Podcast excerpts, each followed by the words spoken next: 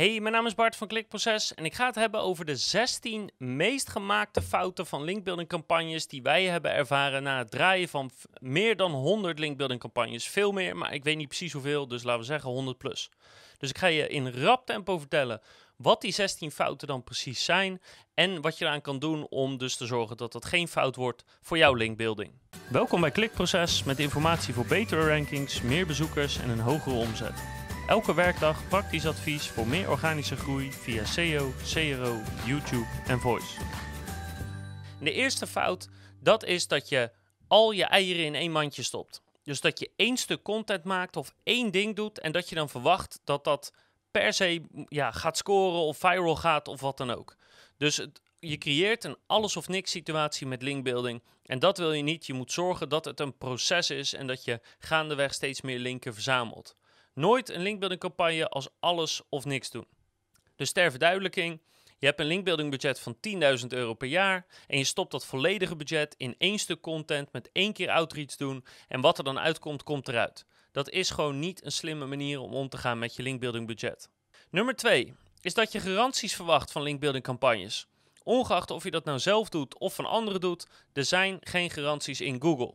Niet vanuit ons, niet vanuit iemand anders. Niemand kan dingen garanderen. Dus linkbuilding, garanties verwachten, dat is met een foute manier beginnen en dat is gegarandeerd teleurstellend. Nummer 3. Het verkeerd soort linken najagen. Kijk, er zijn heel veel verschillende soorten linken en heel veel verschillende branches. En in verschillende branches op verschillende momenten werken verschillende linken. En wat je van A naar B heeft gebracht, breng je niet per se van B naar C.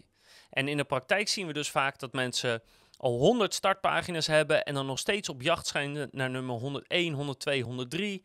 Dat ze al 100 PBN-linken hebben en er nog een paar willen hebben. Dus dat ze al heel veel van iets hebben en dan per se nog meer daarvan willen hebben, omdat ze verwachten dat dat ze verder helpt, wat in de praktijk vaak niet zo is. Dus zorg ervoor dat je weet wat voor soort linken je nodig hebt. En is een heel makkelijke manier om dat te controleren. Kijk wat de concurrenten die boven je hebben, wat die voor soorten linken hebben en kijk of je dat kan repliceren. Want dan is dat blijkbaar het soort linken waar je een stuk van tekort komt. Nummer 4 is een probleem aan diversiteit van linken. in feite heb je twee soorten linken nodig naar je website. Je hebt autoriteit nodig en relevantie.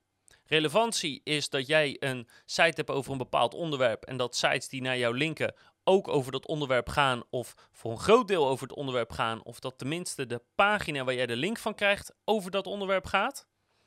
En de tweede autoriteit is heel simpel: websites met een hoge score. Vaak zijn dat bekende namen, bekende websites die ook als je niks met Google te maken hebt, die je zo op kan noemen. Als je het over technische termen hebt, heb je een hoge DR, hoge DA of hoge TF, afhankelijk van hoe je het meet. Uh, die heb je ook gewoon nodig. AD.nl gebruik ik bijna altijd als voorbeeld. Dus je moet relevante linken hebben, hè, sites die het hebben over hetzelfde onderwerp als waar jouw site over gaat en autoriteit. En als je die twee continu blijft verzamelen, dan ga je uiteindelijk winnen. En wat ik dus vaak zie, is dat één van de twee wordt verzameld, maar de ander niet. Meestal zijn er wel de relevante linken, maar niet de autoritaire linken, omdat die, ja, geen idee.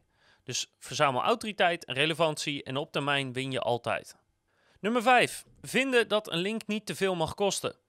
En uh, ongeacht wat je dan precies bedoelt daarmee, of dat nou 10 euro is, of, of 50 of 100 of 500 euro, het maakt niet uit. Maar het is heel raar om te denken dat een bepaalde link maar een bepaald budget mag kosten.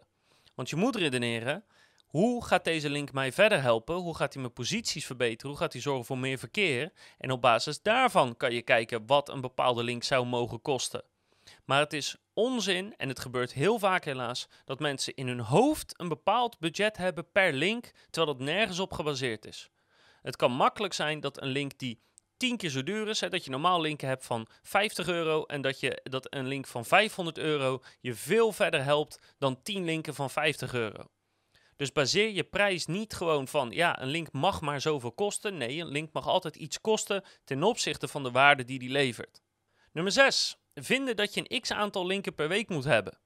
En uh, dat is ja, heel vervelend, maar kijk, linkgroei is een belangrijk iets. Je moet zorgen dat je een bepaalde groei in, uh, in linken hebt en dat zorgt voor een bepaald momentum. Met, met een te technische term noem je dat link velocity.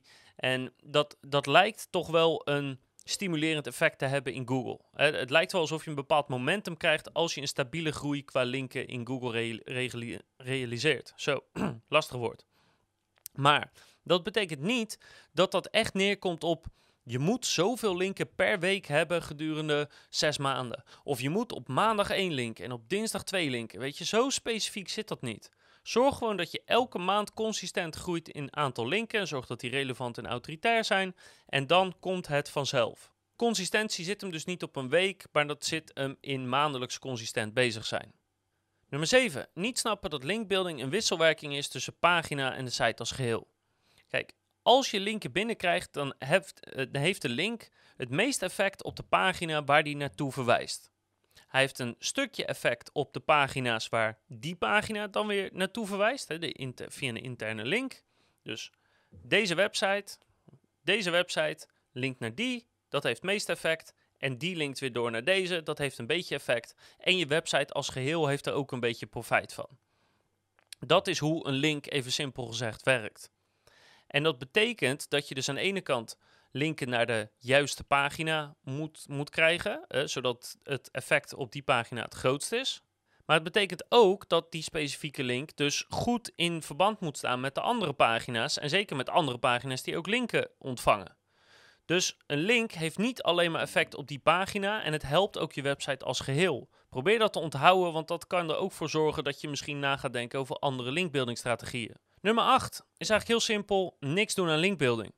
Er zijn nog steeds mensen die zeggen: nee hoor, als je goede techniek maakt en goede content maakt, dan komt het vanzelf wel, net zoals Google zegt. En oh, oh, oh, linkbuilding mag zelfs helemaal niet van Google. Nou, dat klopt, linkbuilding mag ook niet van Google.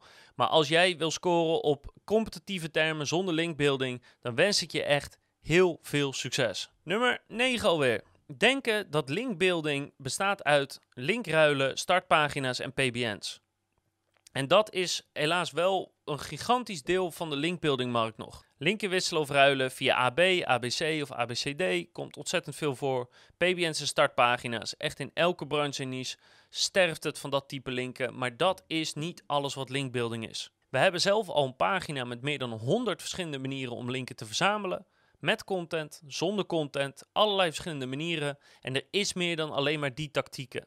Dus zorg ervoor dat je je inleest over linkbuilding en kijk hoe je ander, dingen anders kan doen dan je concurrent, beter kan doen, slimmer kan doen, zodat je sneller scoort. Maar linkbuilding bestaat niet alleen uit die drie tactieken. En ik zal je nog even een grappig voorbeeld geven wat we van de week hebben gedaan. We hebben weer eens een gaaf stuk content gemaakt. We hebben de outreach voor gedaan. En we kregen heel toevallig dit toffe mailtje binnen op basis van de outreach die we verstuurd hadden. En let op, dit zat in de eerste follow-up. Dus niet alleen outreach doen, altijd follow-up sturen. Want daar zit het geld in, of in dit geval de backlinks in.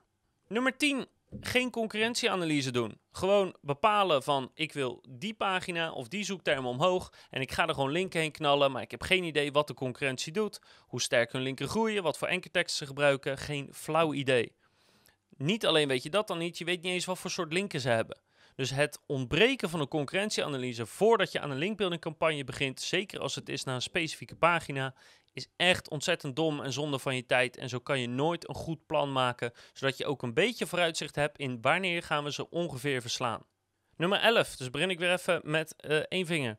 Uh, het inzetten op veel te competitieve zoektermen terwijl de site nog veel te jong is. Kijk, elke branche heeft zoekwoorden waarop je graag op nummer 1 wil staan, tuurlijk.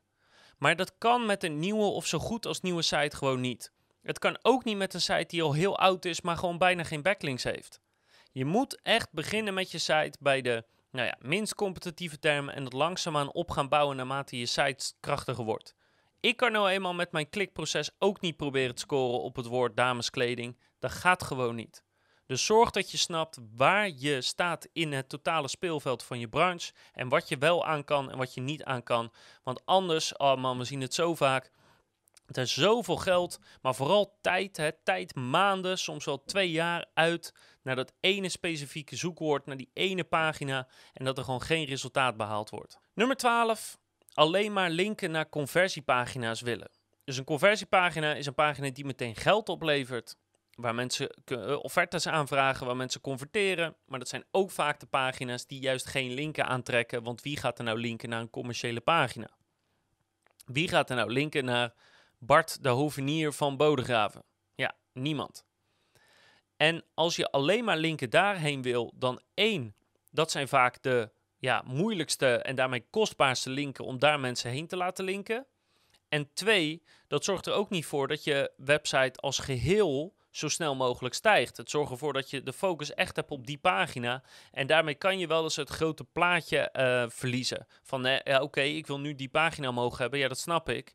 Maar je wil ook gewoon dat je site als geheel groeit, waardoor alle 20, 30 volgende uh, zoekwoorden die je ook omhoog wil hebben, steeds makkelijker scoren. Dus focus niet alleen maar op van die conversiegerichte pagina's. Doe alsjeblieft ook een stukje linkbuilding gewoon voor je website als geheel. Is veel goedkoper en op de lange termijn helpt dat je heel erg. Nummer 13. Het gebruiken van verkeerde KPI's bij rapportages, zoals bijvoorbeeld aantallen backlinks of de maximale kosten per link. De goede KPI's zijn in omgekeerde volgorde, namelijk winst, omzet, uh, aanvragen of bestellingen, Google-verkeer en positie in Google. Dat zijn de, over het algemeen de goede KPI's om bij te houden. En hou alsjeblieft niet bij hoeveel linken er per se geplaatst zijn, want het maakt niet uit hoeveel het er zijn. Het gaat erom dat je omhoog gaat in Google en dat je daardoor meer verdient. Nummer 14, de ankertekstverdeling. Ja, heel vaak wordt daar gewoon geen rekening mee gehouden, maar ankerteksten, de tekst in een link, is gewoon een hele belangrijke factor als je gaat scoren in Google. En scheelt per zoekwoord, per pagina, moet je hele andere ratio's aanhouden. Dus er zijn letterlijk ratio's waar je. Er zijn pagina's waar je uh, eh, 80% van je linken moet daar je zoekwoord zijn. En er zijn pagina's waarbij dat 3% moet zijn. Dat verschilt echt per branche, per niche, per zoekwoord verschilt dat. En je moet dus weten, wat is de enkeltekstverdeling van de huidige top 3 of top 5? En wat is mijn enkertekstverdeling en hoe zorg ik dat ik daarop aansluit? Als je niet weet wat enkerteksten zijn, dan heb je dus nu iets om te googlen. Of even klikproces.nl slash enkerteksten handleiding slash zoiets is het. Ik zal even de goede URL laten zien. Maar enkerteksten, cruciaal om te scoren in Google. Ik heb het ook al in die webshop die bijvoorbeeld, uh, zo'n case study, een webshop die al 3,5 jaar probeerde te scoren. En het lukte ons in een paar maanden. En enkerteksten speelden daar een grote rol in. Dus weet wat je ankerteksten zijn en weet waar je naartoe moet werken. Nummer 15. Te veel focus op één specifieke pagina. Ja, er zijn soms bedrijven die hebben het zo in hun hoofd zitten dat één zoekwoord hun, hun bedrijf gaat maken of breken. En als je maar op dat zoekwoord bovenaan staat, dan verdien je veel geld. En de rest van de zoekwoorden telt er allemaal niet mee. Dus we gaan echt onbeperkt maximaal effort steken in dat ene zoekwoord op die ene pagina. Ja, en dat is gewoon echt zonde. Sta je nooit blind op één pagina. Niet alleen is dat heel raar voor je, voor je linkbuilding verdeling, want dan heb je bijvoorbeeld een paar linken naar je homepage. En dan 50 linken naar één specifieke pagina. En de rest van de site heeft helemaal geen linken. Weet je, dat is gewoon heel vreemd. Dat helpt je over het algemeen niet. Uh, en daarnaast is het nooit zo dat één pagina al je geld verdient.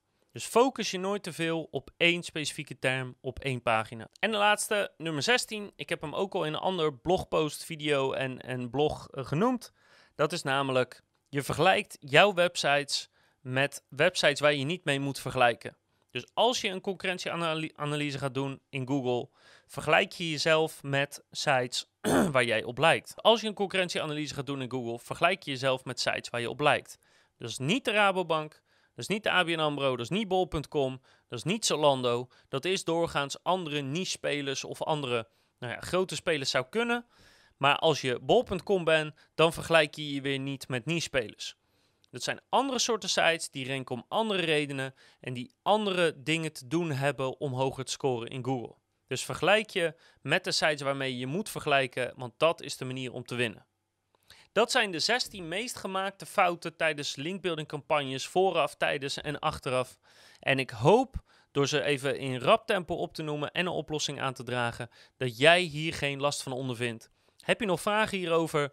Mail even naar bart.klikproces.nl, dan help ik je graag. En zo niet, dan hoop ik dat je de volgende keer weer kijkt, luistert of leest, want dan heb ik nog veel meer advies voor je op het gebied van linkbuilding, SEO, CRO, YouTube en Voice.